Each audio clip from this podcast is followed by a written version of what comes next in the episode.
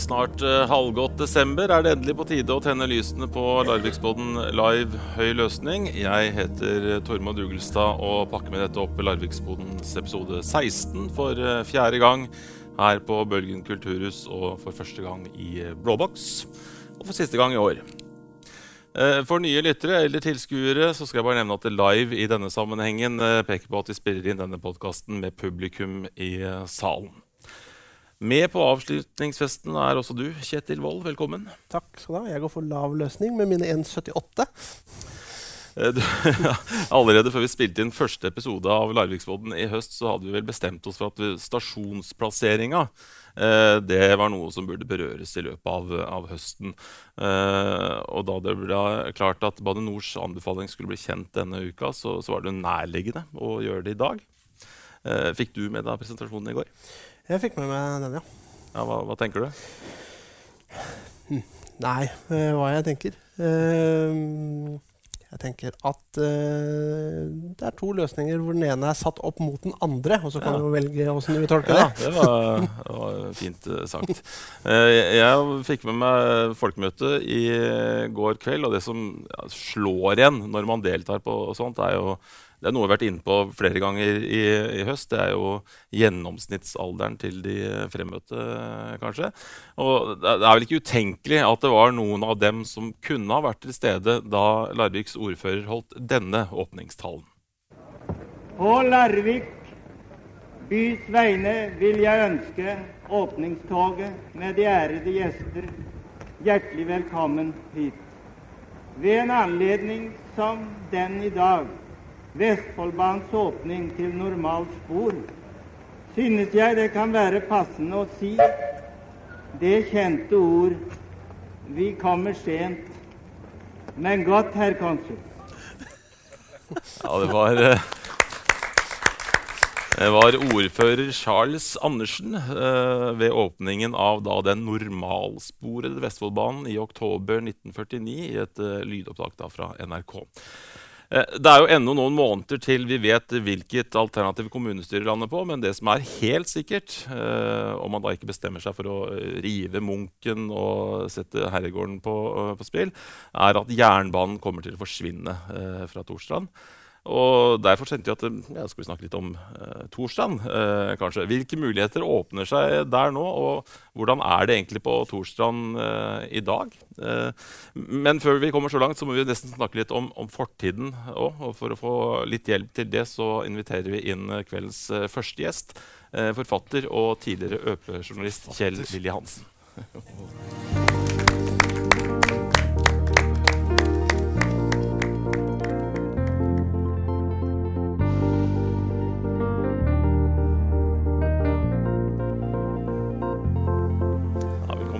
Kjell Willy. Takk for det.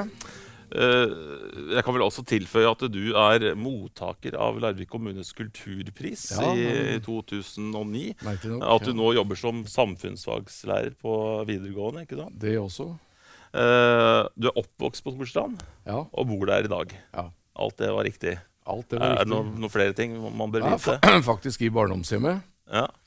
Fra, tror jeg har funnet ut at det er fra 1828 hvor tidligere en veldig berømt eh, omsverma havnesjef bodde. Tor Torgersen. Mena heter. Det var en ganske morsom sak, for jeg gikk gjennom, jeg har også vært med og skrevet ØP-boka. Da. da gikk vi gjennom alle disse komplettene, og da fant vi ut en, eh, en, en inserat i ØP hvor de hadde sendt ut en journalist for å dekke gullbryllupet til Torgersen. Og da ble hele talen til bruden in extenso gjengitt, og hele talen til brudgommen. Når han døde, så var det da stor festivitas. Ja. I dag så vil vel stått, Du vil ikke tro hva brudgommen sa. Du vil ikke tro hva brudgommen sa. Så det er, det, dette, og det er den, liksom, den, siste delen av den gamle Torstrand. Ja. For Hvis dere ser Torstrand, så begynner jo kvadraturen etter uh, hjørnet der hvor det er altså det som heter Skalleberggården i gamle dager. Augustadgården. Ja, der, der, der, der, der, hvor det er, er gatekjøkken der nå. Ja, I første etasje. Rett under jernbanen. Så ser du den der, kvadraturen utover. Ja, så Når vi er inne på det, jeg tenkte vi, vi kunne jo snakke om det litt først. Også. Hvor er Torstrand? Hva, hva er grensene for, for ja, Det fins ingen grenser på Torstrand. det er et grenseløst samfunn. Det er et grenseløst samfunn. Nei, jeg var en, en av disse som sto ute i ute i baren her på Bølgen, og som mente hun ikke bodde på Torstrand, men hun bodde i Hoffs gate. Eller lenger ute, da. Litt lenger ute, det som vi kaller Sandhausane. Det er jo også Torstrand. Så jeg vil definere Torstrand som eh, Og det, grensa mot eh, herregården var jo ganske grei den gangen. Den gikk ved Altså, det var en stor barokkhage som gikk fra herregården og ned til Karstranda. Og da gikk grensa ved Torstrand der. Og så går den jo da selvfølgelig ved Mesterfjellet. Og så går den sier, helt bort til Lågen, og så går den ned til Oseberget. Det er liksom røftlig Torstrand. Så er det forskjellige bydeler der. Vestre Halsen ligger helt til Oseberget. Løkka ligger rundt uh, Alfelds gate, der hvor uh, Mesterfjellet skole ligger i dag. Men alt dette er Torstrand. Vestre Halsen er også Torstrand? Vestre Halsen det annekteres til Torstrand. ja, vi som er fra Østre Halsen, har jo alltid sagt, sagt det. Ja. At uh, Vestre Halsen er Torstrand. Det er noen som prøver å snobbe seg til å være fra Halsen, men ja. Det var ganske, det var ganske morsomt, for vi hadde en sånn der, fram, Torstrandsfest på Framhytta for noen år tilbake. var Bjørnar Borgersen som tok initiativet. Han inviterte alle da som var født og oppvokst der, i, eller var unge på 60-tallet. Og da satt den grensa ved jernbanen. Og det blei et ramaskrik. Så alle som var født, alle som bodde på Torsdagen syd for jernbanen, ble invitert til festen, som foregikk da nord for jernbanen, i Framhytta. Mens alle de som bodde nord for jernbanen, ble ikke invitert. Og der var det mange som var forbanna. Altså. Eh, jeg leste meg til at eh, Torsand vokste opp som en slags forstad eh, til Larvik, mellom da Lågen og, og, og byen. Ja, det var altså, altså Hovedbyen er jo, er jo selve byen. Ja. Og der hadde jo fra gamle dager så hadde de privilegier. De kunne drive med handel. ikke sant? Mm. De kunne drive med sånt. Det fikk jo de som ikke bodde i byen, lov til. Så Torsdag var en såkalt fri grunn, som Langstrand var. Så det ble, jo, det ble, jo, tatt inn i byen ved flere mellomrom. Jeg tror den siste innlemminga hvor torsdagen, torsdagsmoen ble tatt inn, var i 1850-åra, hvis jeg ikke husker feil. Mm, så Før det så lå det altså torsdagen på utsida av byen. Uh, og det var, skjedde jo ganske mye da uh, etter det, uh, for så vidt. Altså fra midten av ja, det var jo fortsatt, det, var, det er en gammel landheving, het jo Torsland. Det er, det er, det er jo, altså Landhevinga var jo den i vikingtida så var stor sjøen ca. tre meter høyere. Og så er det jo sand og sånt fra Lågen og sånt som har bygd seg opp der over mange perioder. Så man regner med at Torsand egentlig sånn i vikingtida mer eller mindre var tørrlagt. Det, er jo ikke, da. Det ikke da. Siste gang det var tørrlagt. og kanskje under forbudstida lite grann. Uh, ja, så det er uh, og navnet er jo Navnet mener man kommer altså Det kommer, det lå en gård der som heter Fjall, Fjallarnes, eller Fjallarsnes, eller etter hvert Fjellsnes på, i middelalderen. Og så var det en driver som het Thor, som dreiv denne gården. Så det, man mener at det navnet kommer av han. da. Det første gangen det opptrer, er, er uh, Ja, det husker jeg ikke helt, men det, det går langt tilbake i tid. altså. Hvor Torstrand som er nevnt i et dokument. Andre ganske uh, viktige ting for fremtiden kan man, kan man kanskje si, også som skjedde på slutten av 1800-tallet og starten av 1900-tallet, har jo altså uh, fram uh, både sjøsetting og fotballklubb, kan man kanskje si. Alfred Andersen som flytta dit fra, fra Østrehalsen i 1902. Også glassverket, woodworking, alle disse tingene. Ja, altså, er, altså Industrialiseringa kommer jo i Norge rundt 1850. ikke sant, Det store hamskiftet. Og den kommer til Torsland sånn 1860 til 1880-90 år, og så er det en eksplosjon der ute. Ja. Fra 1000 mennesker som bor her på midten av 1800-tallet, til en godt over 3000 i løpet av industrialiseringa. Altså, tidligere så er det stort sett sjøfolk og fattigfolk, og nå er det da plutselig arbeidere ved alle disse store bedriftene som du nevner. Og den største bedriften som la beslag på mest areal, og som var den viktigste, det var glassverket. Mm. Og der laga man glass. Glassblåser det var rene kunstnere som laga glass til. Det var altså konsul Kristiansen som drev da Larvik bryggeri i sentrum, ja. som etablerte den. Og som hadde dette her huset oppe ved Badeparken. Som hadde også huset oppe ved Badeparken, ja. Han var en stor figur i byen. Der var det mange ansatte. Mange som gikk i lære og fikk uh, utdannelsen sin der. Og så kom hun og sier altså Smia. Uh, den blei jo stifta nede på Strandgata. Og Så flytta han til Østre Halsen, og så tilbake til ja. uh, der hvor han lå nå, da var Fram, i 1902, som du sier. Ja. Og Det var jo der den nede Fram ble stifta òg, da. Ja. Nede, nede, ved Karist, nede ved Strandgata. Ja, for de, ble, det, de, begynte vel der Alfred Andersen eh, Ja, de ble stifta der faktisk nede ved Smistranda. Der hvor ja. Smistranda er fordi at han, Alfred drev smie der. Og, Og så flytta han jo seinere over til eh, opp til Fram. De fikk jo til og med fri med lønn for å spille fotball. eh, på Fram, eh, Fram var den første profesjonelle fotballklubben. eh, sånn sett. Det var ikke så veldig vanlig å få fri til den slags. Han er vel en av de, før, jeg tror faktisk en av, en av de første æresmedlemmene. Alfred. Hva kan, man, hva kan man si om levekårene på Torstrand på den tiden? Nei, det var jo trangboddhet. da. Det var fattigfolk og det var arbeidere. Men altså han, i hvert fall han Alfred fikk jo en sånn, eh, ble jo kalt også for faen i moa. Men han eh, var ganske sånn det var sånn paternalist, Han var pater, altså den store pateren. Ja. Han sørga for eh, arbeiderne sine. Det var bygde boliger, det var sangkor, det var aktiviteter knytta til bedriften, som så for så vidt også det var på Langestrand Ja. med Tresk også. Det var en helt annen bedriftsstruktur og litt sånn føydalforhold da, mellom bedriftseierne og, og folket. Mm, tror du det også kan ha, fått betydning for altså, identiteten til de som bodde på Torshov? At man hadde på en måte felles eh, arbeidsgiver og, og felles nesten fritid i, forbindelse med arbeidsgiveren? Ja, det er helt Altså, klart. Det er, det er, helt klart, det er jo der. Altså, det, var jo, det er jo et arbeiderstrøk. gammelt arbeid. Er altså Larviks industridel er Torstrand. De er på en måte som har holdt byen oppe med jobber da, ved siden av Treskov, som er den store bananensida. Jeg har lyst til å spille av et lite klipp til eh, av en relativt kjent forfatter og journalist fra Larvik som forteller om det å vokse opp på Torstrand. Richard Og det er, er ikke deg, da. Det er riktignok Rikard Herman. På det.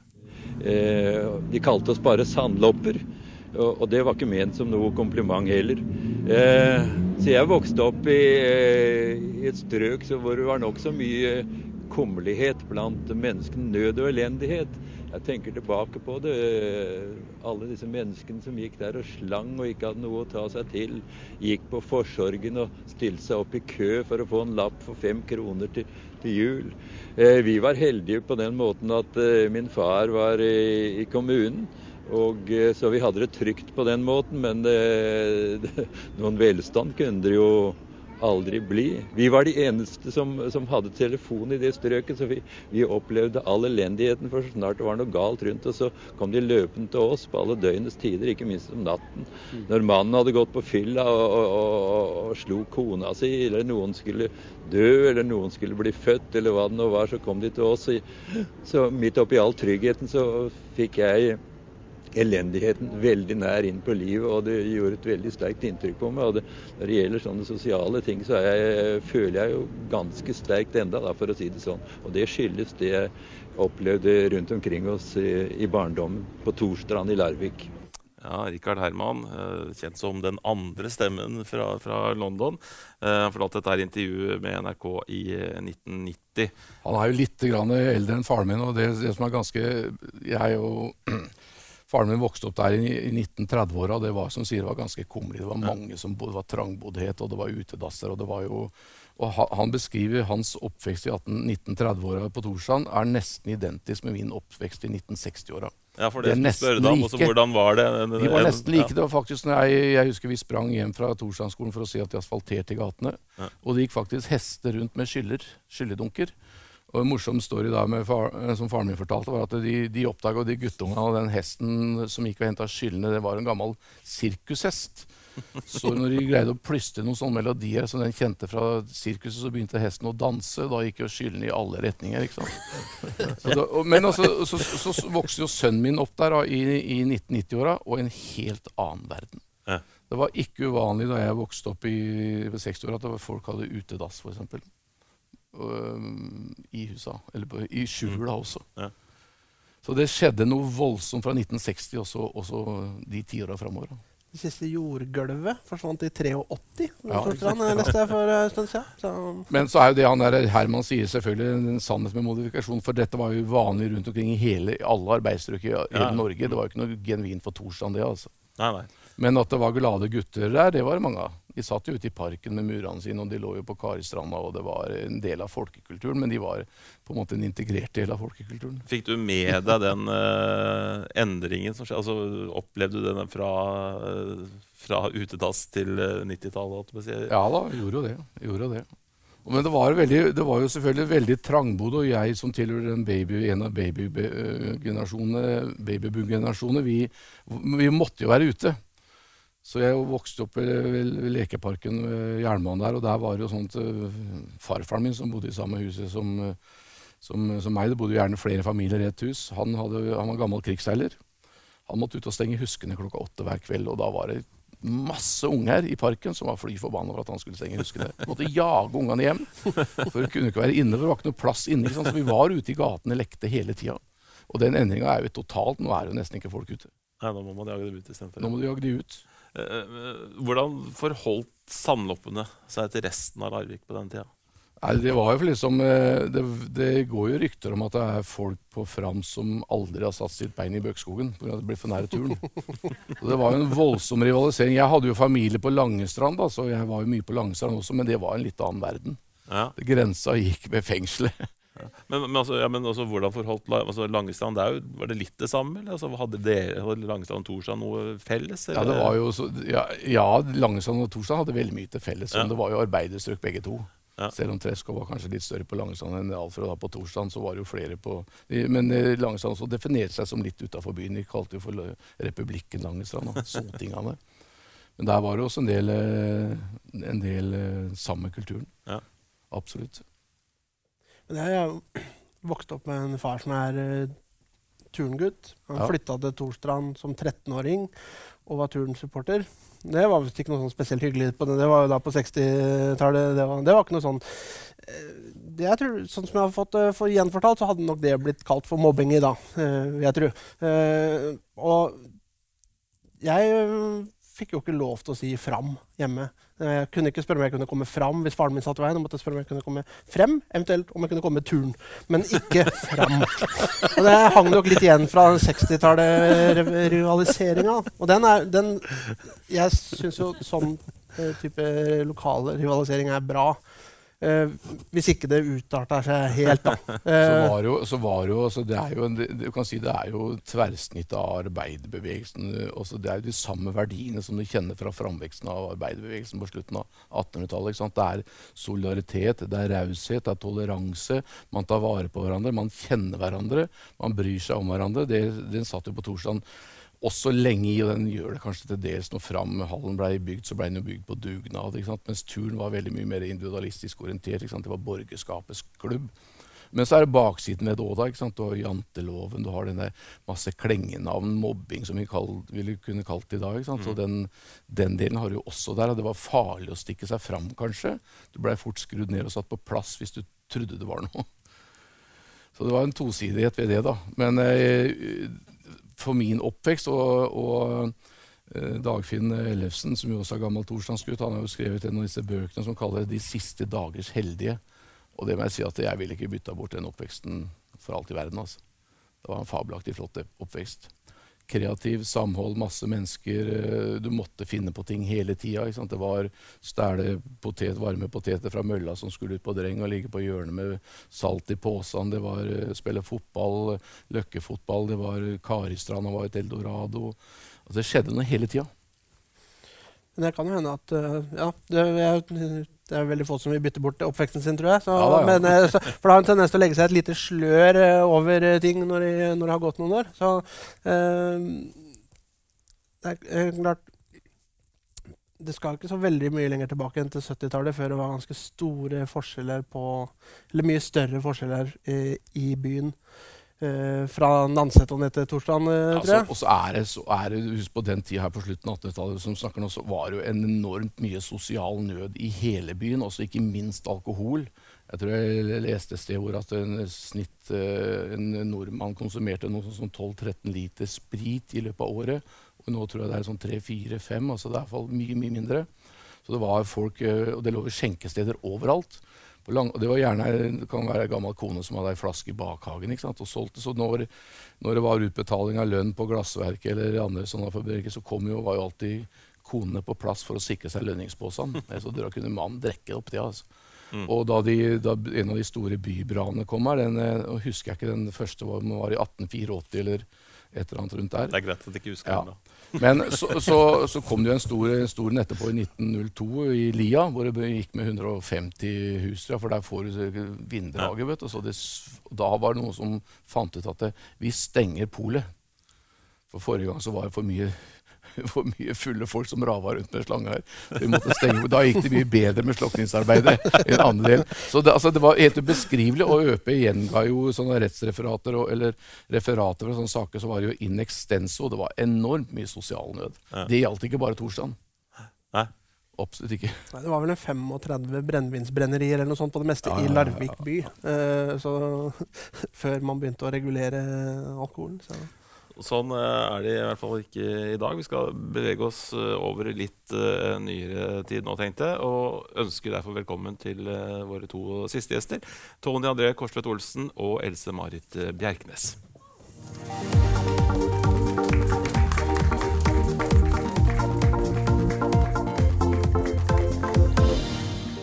Ja, velkommen til, til dere.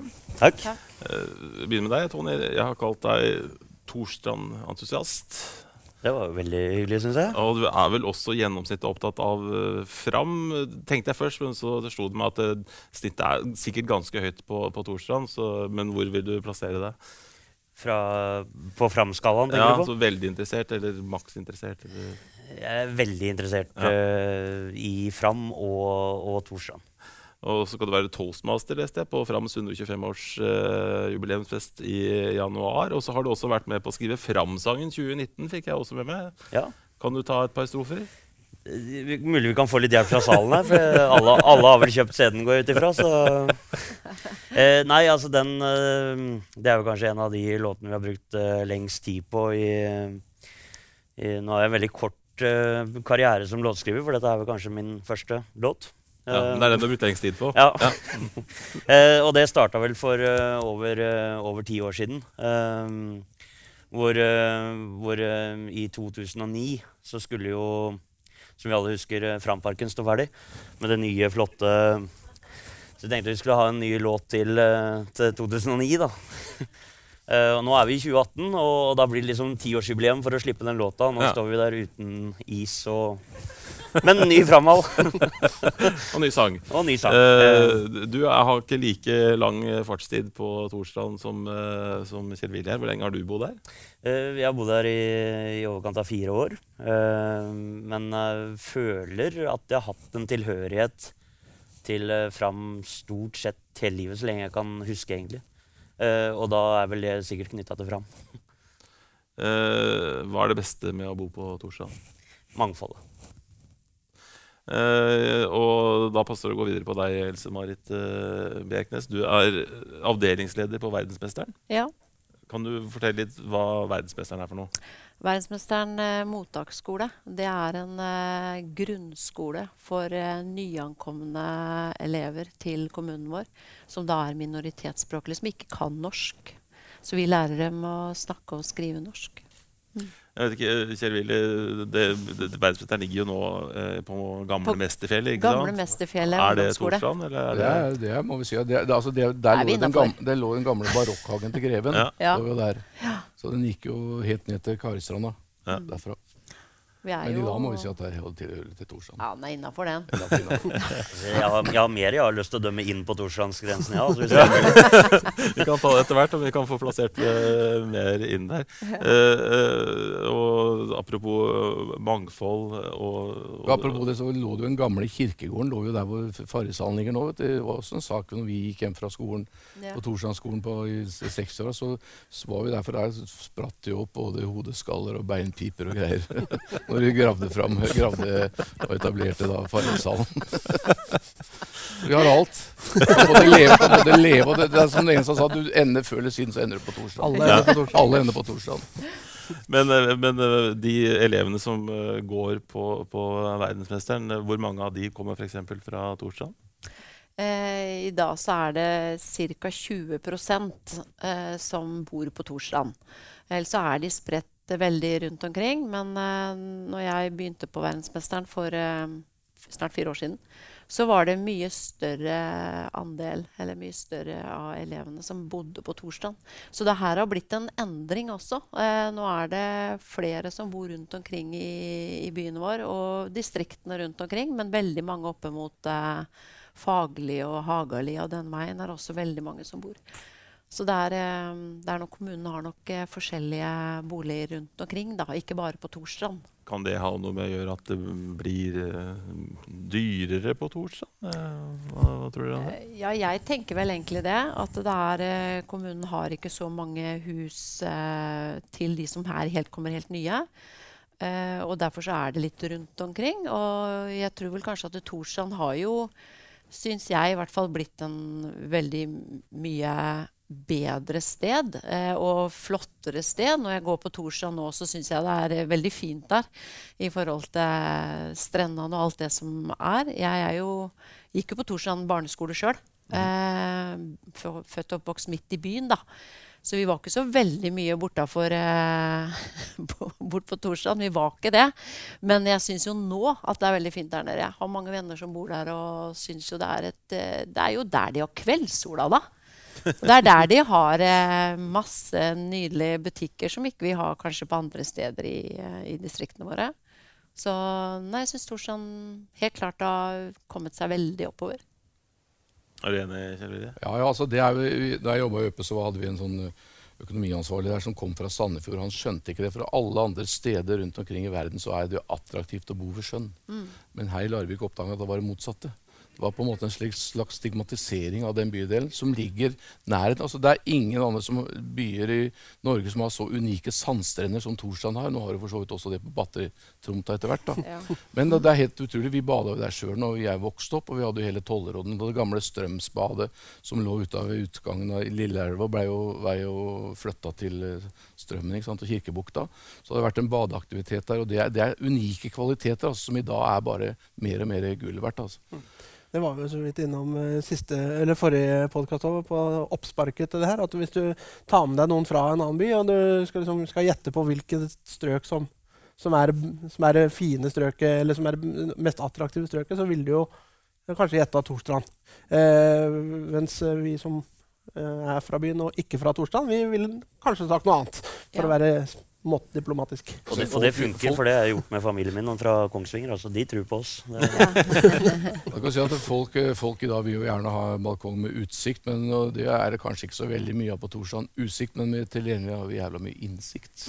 Jeg, jeg har sett uh, folk som har, prøv, uh, har avertert hus på Torsland som uh, Nedre Byskogen. Eh, så det er, liksom, eh, det, det er noen ting som henger litt ved. Som, eh, Men det er, blitt, det er blitt som du sier, altså, det er blitt en voldsom endring nå i løpet av en 10-15 år, eh, hvor en del av de eldre folka har forsvunnet. Da, og det kommer nye, yngre folk inn med småbarnfamilier som pusser opp.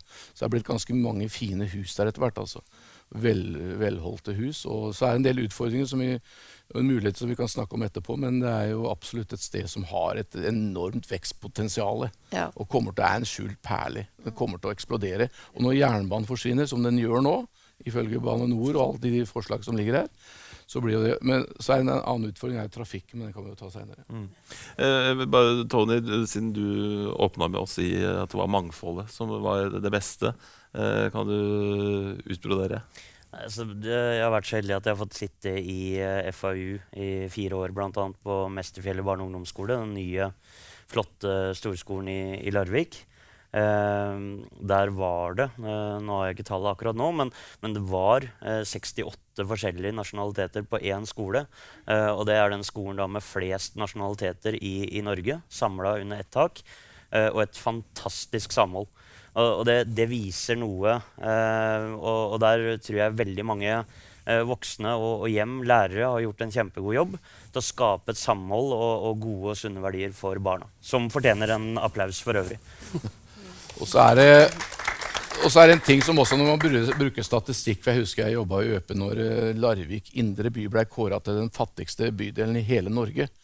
Og det var såpass ille at NRK2 skulle sende ut en reportasjeteam for å se på byen. Og polit politikerne skjelver i buksa og lurer på hvordan skal vi takle dette her. Og de, for All statistikk viser jo det. ikke sant? Og levekårsstatistikker viser jo da faktisk altså sånn statistiske ting. Hvor høy utdannelse du har, altså har du tilgang til eh, ja, hvor mange, mye tjener osv. Så sånne målbare ting. Og så kommer de da, så prater de med ordfører, og, og så tar en, tar en reportasjetur i byen. Og ender bl.a. opp på Torsdag. Der sto, husker jeg, da sto det en gammel, eh, gammel sånn, eh, tilhenger, sånn eh, campingvogn. der hvor Marius Brygge ligger nå. Der satt noen glade gutter, og de begynner å spørre ved dem. vet du mest fantastiske byen, bydelen og byen vi kan bo i. Og så treffer en enslig mor på torget som ruller rundt med, med dattera si. Flotteste byen hun kunne bo i. Så de får jo bare et helt, altså hele, De slår i hjel hele det bildet hver gang de prater med innbyggerne. Og det har noe med det at det er forskjell mellom levekår og livs, opplevd livskvalitet. Ja. Og det er to vidt forskjellige ting. Og der tror jeg faktisk også Torstrand scorer ganske høyt, altså på opplevd livskvalitet. Men skulle jo tro at uh, i et sted som har veldig godt samhold, så skulle du tro at det var litt vanskelig å komme inn. Men altså, det høres jo ikke sånn ut. For hvis det var 68 Nei. Jeg minst husker at det var 69, men det er mulig. Uh, skulle jo tro at det var plundrete å få innpass i et sånt Men sterkt det samhold. syns jeg absolutt. Jeg syns det er veldig bra på Torshov. Det, akkurat det ser jeg, for at vi er jo ikke Når det kommer da så mange nyinnflytta familier som kommer, og de tar jo ikke bare imot de elevene som bor på Torstrand, det Mesterfjellet skole, som du har i FAU. Det, altså, vi blir jo bedt med på alle arrangementer som dere har, og de tar med seg hele gjengen min, selv om de bor rundt omkring i hele byen. Så det er jo en eh, Jeg syns jo Torstrand der har vært, eh, og Mesterfjellet har vært fantastisk til å ta imot alle de nyankomne. Eh, så jeg ser jo på foreldrene. De har jo veldig lyst til at ungene skal gå på SFO og komme seg over til Mesterfjellet, men de tilhører jo mange andre nærskoler òg, da. Så det, er en veldig inkluderende del. Det er det virkelig.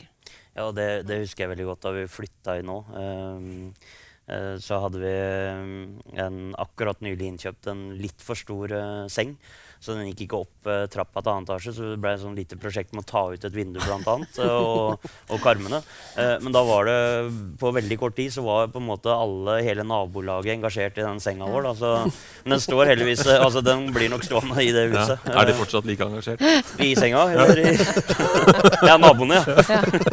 Eh, ja, altså naboene er, eh, naboene er eh, og, det, og det også er jo Jeg har bodd flere plasser i byen, eh, og flere av stedene har jeg aldri hilst på naboene. Her var alle første dagen. Ja. Så det, det er nok Det ligger nok litt i kultur og arv i, i sanggrunnen her, som Kjell Willy har uh, prata om litt Nå skal tidligere. vi ha en, eller nå skal ikke jeg, da, men Heidi som bor i det seilmakerens hus, altså han som sei, laga seilet til Fram. Det ligger jo ved torget der hvor jeg bor, og stor hagefest nå til helga. Det er sånn typisk bakhagefester, det er helt vanlig, og der går man inn til hverandre og ut og inn. og Det, det er en slått eh, robusthet der, altså. Raushet. Det, Det- det syns jeg faktisk det er ennå. Trives godt på, på Torshov. Men åssen blir det når, eh, når og hvis eh, det blir en utvikling på Alfred Andersen-tomta? Så blir det, det, det regner jeg med at det blir boliger der. Blir, vil de bli en del av Torstrand? Ja, Eller eh, vil det bli en eh, bydel for seg sjøl? Nei, det tror jeg ikke. Det, tror jeg ikke. det, var jo Furumoda før. Og, og det som er Det er jo et veldig spennende transformasjonsområde, akkurat det Alfred-tomta. Det er kjempesvært. Eh, Det ligger jo en liten, liten et lite hinder inntil elveveien der. Underspo gård er jo faktisk freda. Så den kan du ikke gjøre noe med. Men nå jeg jo ikke så lenge siden jeg snakka med Ragnar Christensen på Ytterse gård. Han sa ikke noe problem, du kan flytte den gården inn til det huset inn til meg. Ja. Så er det for at det har noe med å trekke veien gjennom den eventuelt nye bydelen ut på elveveien. Det er det det har liksom vært en hinder til nå. da. Hvis de greier å få til det, så er jo det et enormt område. Det foregår en del aktivitet her allerede i dag. da. Det er jo treningssenter her, det er bilmekater, Skateboard. skateboard osv. Så, videre. Ja. så det er jo sakte, men sikkert begynt å bli aktivitet her. Men det er et, det er et kjempeområde. Mm. Men også trenger vi kanskje litt mer beplantning, for at det er ganske kaldt der. Og nord, nord på Alfred-tomta så kalte de i gamle der for Sibir. For å få det trekket fra Lågen, ikke sant? og så får du til eh, fra sjøen. Så det kan bli Alle som har vært på Fram stadion, vet jo det. Det kan være ganske kaldt der. Men da kan Så- du gå for Alfred Høy løsning. Da, Alfred høy, løs, høy løsning. Lave skuldre, høy løsning. Jeg leste på, på Larviks museums nettsider eh, om Torstrand fra, fra 1600-1700-tallet at bydelen hadde en mer sammensatt befolkning enn enn, eh, Langestrand og hovedbyen. Eh, har det holdt seg? Sammensatt befolkning. At den er ikke så homogen? da? Nei, jeg vet ikke. Det, jo, det har jo aldri vært noe sånn uh, Jeg har inntrykk av at uh, i hvert fall fra min oppvekst så var det ganske homogen befolkning. altså det var De fleste kjente hverandre. Det var ikke noe sånne store Bortsett fra Alfred, da, så var det ikke de der eh, store sosiale forskjellene. Det var ikke det. De var stort sett i samme båt, alle sammen. Uh, så det høres litt sånn Det er mulig at det var det tidligere. Altså. Ja. Men det, fra gammelt av, fra 1600-tallet, så var det bare en håndfull hus som lå nede ved Strandgata. Så de eldste husa der er fra slutten av 1600-tallet, rett etter byen ble faktisk grunnlagt. Men, hva- men hva kan grunnen være til at, eh, at eh, den oppleves eh, mer inkluderende kanskje enn andre steder? Hva, hva tror du om det? Det har jo vært enormt mye altså Kona på trappa er et sånt kjent uttrykk. Hvis du ser på noen av de gamle bildene, så ser du så går jo alltid disse trappene ut i gata. Og der satt jo ofte bestemor mi satt på trappa. Og når folk skulle bort på operaen med, med melk ikke sant, og bytte melk, så sto de og prata med hverandre. Det var for liksom Man levde ute, som jeg sa det i min oppvekst, så var det så trangt inne at du kunne jo ikke, kunne jo ikke være så mye inne. For det var ikke plass. Så ungene levde ute, og de gamle satt ute, og folk var nede på Karistranda med fiskebåtene sine. Så man levde ute i de Og det var sosiale arenaer overalt. Det var en kiosk, det var masse kolonialbutikker ute ved hele Torsdagen. Den, eh, og vi var veldig internasjonale. Ytterst på Torsdagen så lå jo Holmane. Og han var jo sånn eh, Jeg husker jeg jobba på Farrisfabrikken en sommer, så fikk vi da bestilling fra Holmane. Da var det 50 kasser med halve pils, og så var det 100 kasser med Mura, så var det én kasse med Cola. og da Hvis du ble kjent med han, så kunne du gå inn på bakrommet, og da fikk du øl fra alle verdenshjørner, for han henta den på Kanalkai hos båtene. Og det var der møttes jo folk. Alle disse stedene. Det var treffpunkter hele tida. Men tror du ikke det henger litt igjen? Henger, henger litt Ja, igjen. Hvis for det er jo sånn hvis du går på ja. Jeg som er født opp midt i byen, da, så hadde vi jo ikke sånn i det hele tatt. Eh, Det var jo ikke sånn eh, kultur der. Og jeg tenker at det, det, det blir jo heller aldri sånn kultur midt i en by, kanskje. Eh, Men jeg syns ikke det var egentlig sånn på Langestrand heller. Jeg var mye der i min barndom. Eh, Men Vi hadde Høystein og så hadde vi Ja, ikke sant? tørken. Ja, det hadde vi jo på Sky der og sånn, men jeg tror kanskje at det ligger litt i kulturen, jeg. Og så klarer folk å ta vare på det, for de fortsetter å bo der. Du har bodd der i hele livet. Så de klarer, det er de samme menneskene som klarer å ta det videre. Men det har vel kanskje med at Torsand har jo vært 100% arbeiderstrøk. Ja. Altså, de andre bydelene har jo, vært, eh, har jo hatt innslag av folk med eh, litt høyere sosial status Mm, og litt mer blanda forhold sånn. Eh, I hvert fall det jeg satt og klarte å tenke meg fram til. Men tenker du liksom at de med høyere status ikke er så inkluderende? Det blir jo feil, det òg. Nei, jeg, Så jeg altså, tenker at de jeg, er, eh, det er mulig noen eh, kulturen.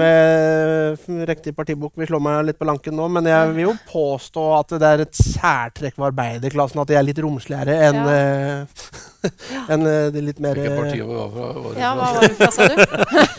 altså, jeg, Det her er anonymt, er det ikke? Ja, ja, nei, vi sier ikke hva det heter Nei, nei, det er bra. Takk.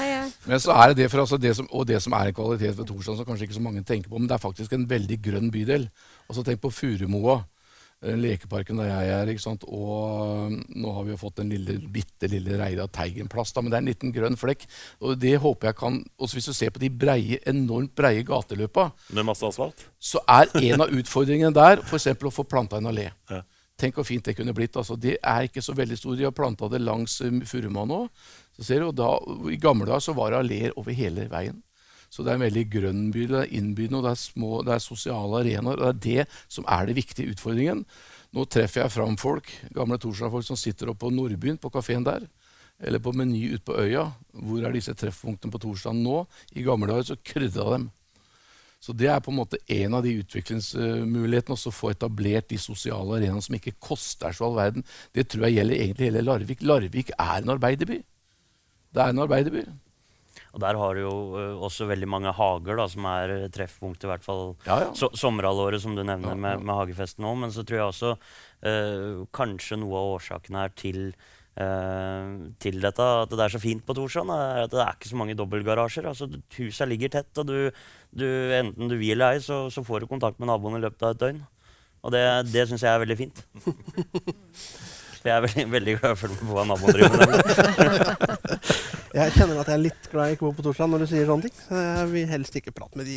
Kan, kan jo hende du flytter ned en gang. Og da, Ja, jeg kan aldri vite. Det var jo sånn på Langsand også, som sagt. Jeg har familie fra Langsand og vært- var mye der. Men den Langsand er jo helt skrella. Den er jo helt død. Du ser ikke et menneske her oppe lenger. Der var det kolonialbutikker, og der var det liv. Og det var jo liv og røre oppe i Høysteinene. Jeg var oppe der og hoppa ski, i ungdommen. ikke sant? Det var masse unger der òg. Men nå er jo Langsand nesten blitt en sånn gentrifisering. Nå er det blitt litt fint å bo på Langesand. Skal ha, de skal ha utsikt. Mm. Hvor viktig er Fram for Torsland i dag? Jeg tror, eh, jeg tror Fram er eh, veldig viktig, og, og sikkert viktigere enn veldig mange kanskje tenker på i, i det daglige. Altså, eh, og, og Fram vil nok kanskje være enda viktigere også eh, i, i morgen, da. Eh, hvis du tenker fram 14.. eh, ja, i, i morgen er 14. det er riktig. Som da er i dag, men- men- hvis du hører på podkasten. Det var jo noe helt grotesk som skjedde. ikke sant? For jeg, når, når jappetida kom med full fart til fram, og det ble jo kulturkollisjoner de luxe, hvor de fabla om skøytebane. Jeg Vi hadde jo to heltidsansatte der som skulle drive og utvikle klubben. De snakka om en skøytehall hvor de skulle selge navnet til mange millioner, 30 millioner kroner til folk som ville kjøpe navnet à la sånn vikingskip. ikke sant?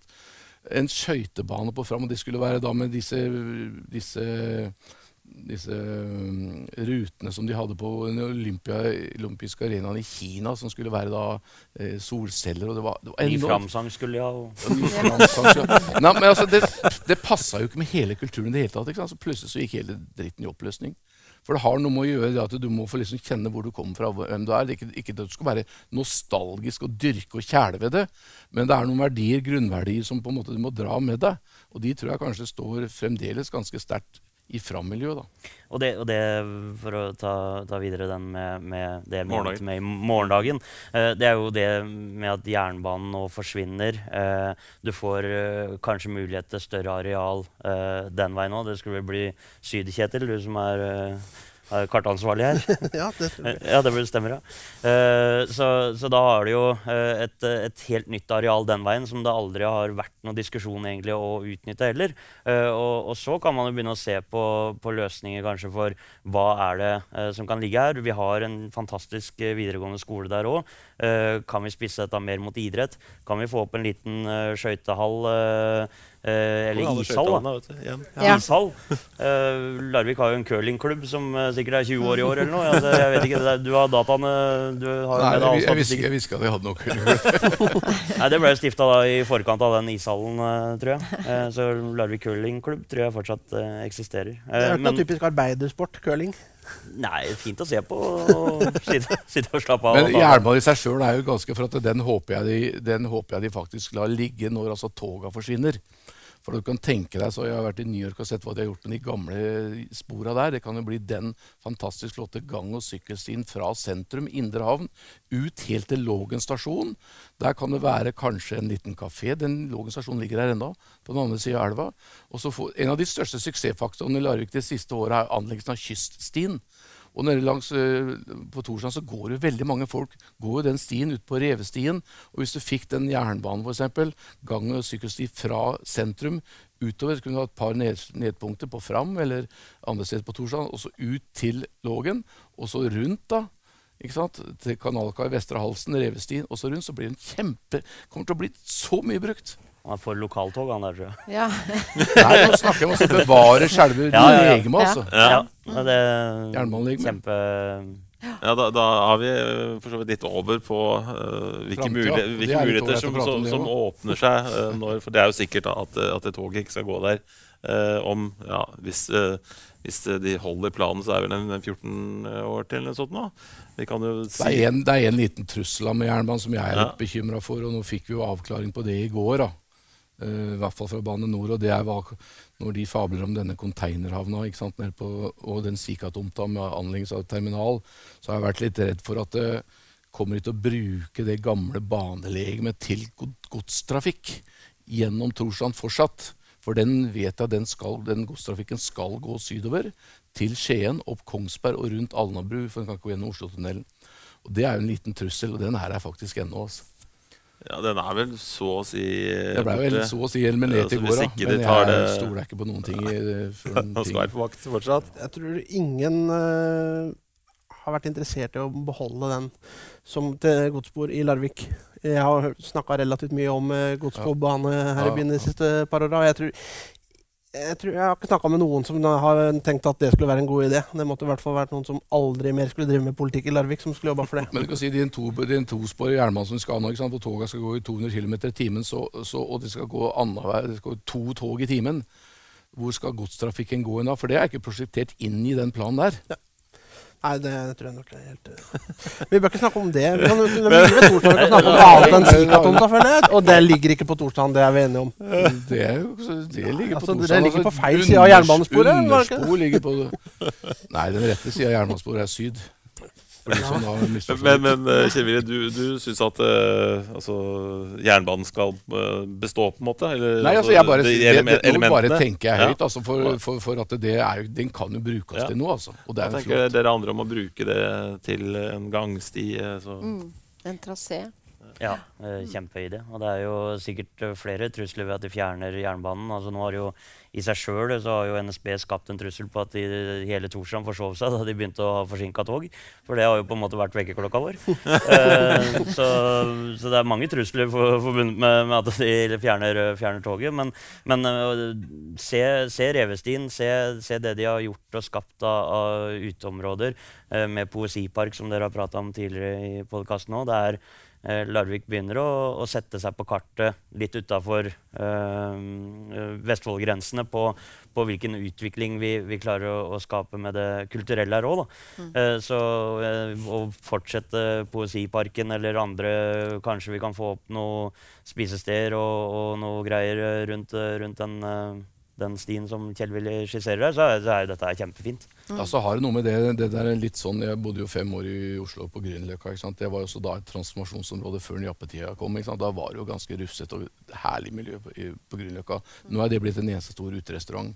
Så Det er jo kanskje litt faren, men, men, eh, men eh, det er jo å se på hva slags fortelling er det Torsdag kan selge. For det går litt på det. ikke sant? Opplevd livskvalitet og solidaritet, toleranse, kreativitet. En kulturpub hadde vært midt i blinken. Akkurat i hjørnet der ved gamle Albert Christoffersens svære hus, der hvor den gamle DNB lå, rett overfor Maja. Hadde inn, altså En nydelig kulturkafé der med uteservering i bakhagen. Også bak Maja kunne man tenke seg en liten tribune, en liten amfi, hvor man kunne sitte og slappe av i sola bare uten å gjøre noe spesielt annet. Ta med seg litt mat, lese ei avis. Det kunne være kanskje en små liten, liten konsert der. Jeg var på et sånt sted i Boston som hadde plutselig laga Kommer midt i et sånt lite torg, og der står en svær tribune. Og det er ingenting annet enn at der sitter folk og slapper av, og så er det en sånn rappartist som underholder litt, og så forsvinner han igjen. Og det ligger jo innbudt til sånne ting. Og det skaper de sosiale arenaene. Og Torstrand har arealene. Det er ikke mange andre steder i byen som har de arealene. Nei, sånn Og det som, handler om å eh, bruke dem og få folk ut. Ja. Sånn som Alfred Andersen-tomta, som vi har vært eh, inne på. Ja, ja, Det, er, om det, blir, det kan bli en helt ny bydel, eller hva annet det Og det er jo fantastisk det du sier her, tenker jeg. Å ta vare på alle de tinga han sier, og, og gjøre Torsson om til noe så fantastisk. Det kan jo på en måte bli en, eh, litt av en fin kultursted, altså. Hvis du gjør de- halvparten av det du sier, så tror jeg det blir veldig bra. Ikke sant? De lå jo, de lå jo på frigrunn utafor byen, så vi kan kalle det frigrunn Torstrand. Men Apropos fristaten Kristiania. Etter hvert forsvinner jo trafikken fra Dronningens gate og hvis eh, folk på Torstrand får det snu i. Eh, og jernbanen forsvinner, eh, gjennomgangstrafikken forsvinner. Da blir jo det vil jo påvirke Torstrand på kanskje i en negativ retning også, ved at Ja, det blir liggende mer isolert. Det tror jeg også må modifisere litt. For at det er, jeg ikke altså jeg flytta til, tilbake til Larvik, så valgte jeg å bo i sentrum, for jeg liker litt liv og røre, og det tror jeg de fleste på Torstrand gjør. Eh, liker jeg liv og røre rundt hushjørnet, for jeg har aldri eh, brydd meg i den jernbanen som har gått for 50 meter unna huset mitt. Uh, og at det er folk og røreliv. Der satt jo folk uh, ute i parken ikke sant, med murene sine i gamle dager. Vi lekte der, og det var en integrert del av byen. Så den trafikken, det som er Det går 16 000 biler gjennom byen i dag, bydelen i dag. Det er enormt mye. Så avlaste litt. Altså Hvis alle bilene forsvinner, så forsvinner kanskje noen av butikkene også. Da er det negativeffekten, som man sier. Det gjør ikke noe om det går noen biler der, men det er bare det å få liksom moderert det litt. Og hvis de da tenker noe smart, og Bane NOR snakker sammen med Statens vegvesen, så kan man jo tenke seg at de lager en ny bru over Lågen fra Heggedal som går parallelt med jernbanen, som går rett opp til elveveien for all tungtrafikken fra Heggedal, og eventuelt avlaste en del fra Kjølling, så vil det hjelpe veldig mye, bare det, for Torstrand. Så tror jeg det vil hjelpe hvis eh, Alfred Tomta på en måte kan få flere, flere tilbud òg. For da du- har flere fordeler. Vi er, vi er, jeg vier meg. Jeg, nå har jeg bodd her i fire og et halvt år. Da kan jeg vie meg, da. Kan jeg ikke det? Ja, du er jo du kan si du er ennå hangaround, da, men du er på vei inn. Jeg prøver meg på en viing, da. Eh, vi, vi er jo eh, Vi bor på et flatt landskap, så det er lett å bevege seg. Bort til Alfred-tomta uansett hvor du bor på Torsland. Med de små grensene du har satt, i hvert fall. Eh, så, så det er eh, når, Så lenge du har alt innafor en, en, eh, en kilometer eller to med, med flatt landskap, så, så vil jo flere biler forsvinne. Og hvis det blir flere tilbud i, i Alfred nå, nå liker jo Larvik å kalle seg en vannby og badeby, uh, men vi har, uh, vi har ikke noe badeland. Kanskje badeland kunne vært et tema å bygge opp i Alfred. Ja, ikke sant? Det er, men men det, det er også en annen ting. Også, for det er en annen trussel også. Det er en par trusler. Og den andre trusselen heter eh, Bør ikke si navnet, men det der tegningene vi har sett på Varskjæret. Det er jo groteske saker. Altså, men der ligger jo en kjempemulighet for eksempel til å lage et slags bad. Folkebad. Så ikke nødvendigvis så jævla svært, men som kan kommunisere med skjønn. Og, altså innebad og utebad og stupetårn og få opp det igjen. Og Varskjæret har jo faktisk vært en lite badebasseng. Og der er jo, var jo en restaurant tidligere som var flottest, en av de flotteste tomtene i byen. Og hvis det skal bli svær sånn Dubai-tårn med leiligheter der, så blir det helt vilt. Spør meg, altså. Og det er faktisk kommunen som eier av Varstad.no, heldigvis. Så de bestemmer over det.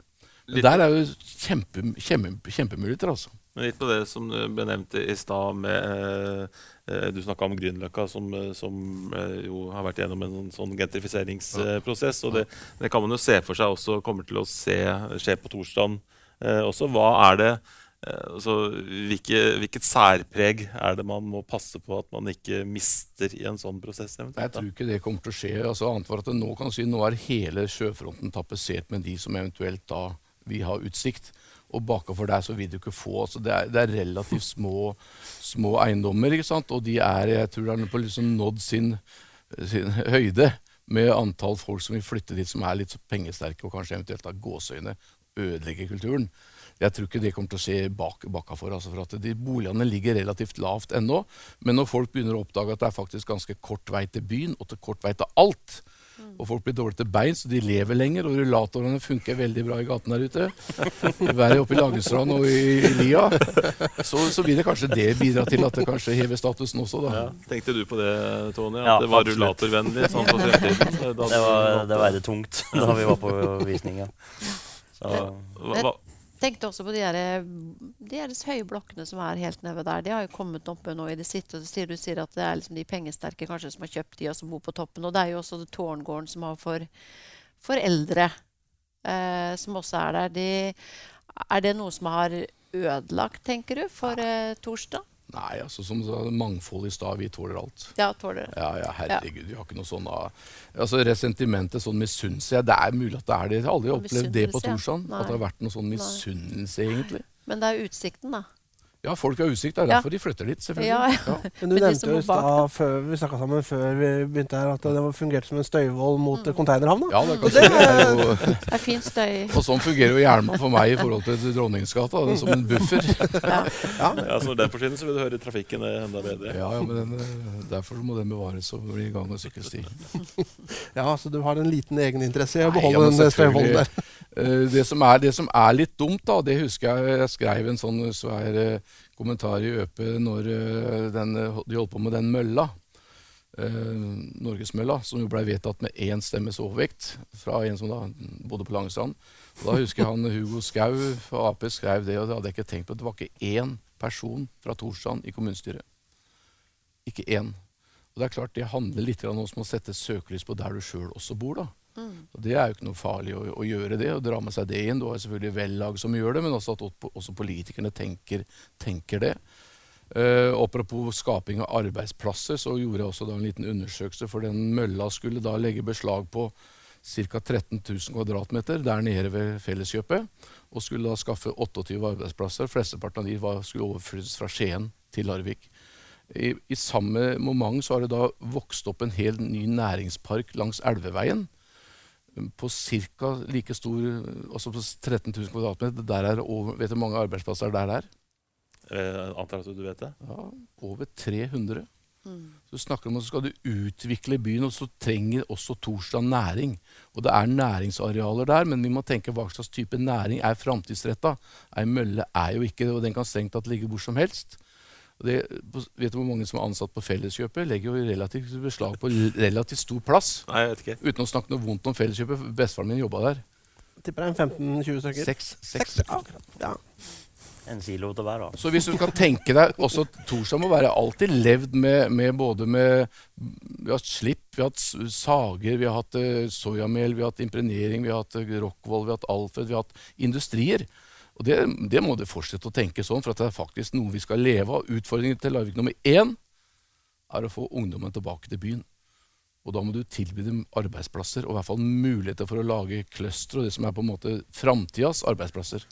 Så du tror ikke de flytter tilbake hit for å jobbe på mølla? Sønn, nei, jeg tror ikke det. Sønnen min gjør ikke det. Han er ikke noe spesielt snobbete, men han er nå liksom en utdannelse som gjør at han kan ikke komme hit. Datteren min kan heller ikke det. Men Lunds har jo da flytta ned til Torstrand nå med et uh, fantastisk signalbygg som, Ja. som pønter opp uh, strandsonen nå. Ja.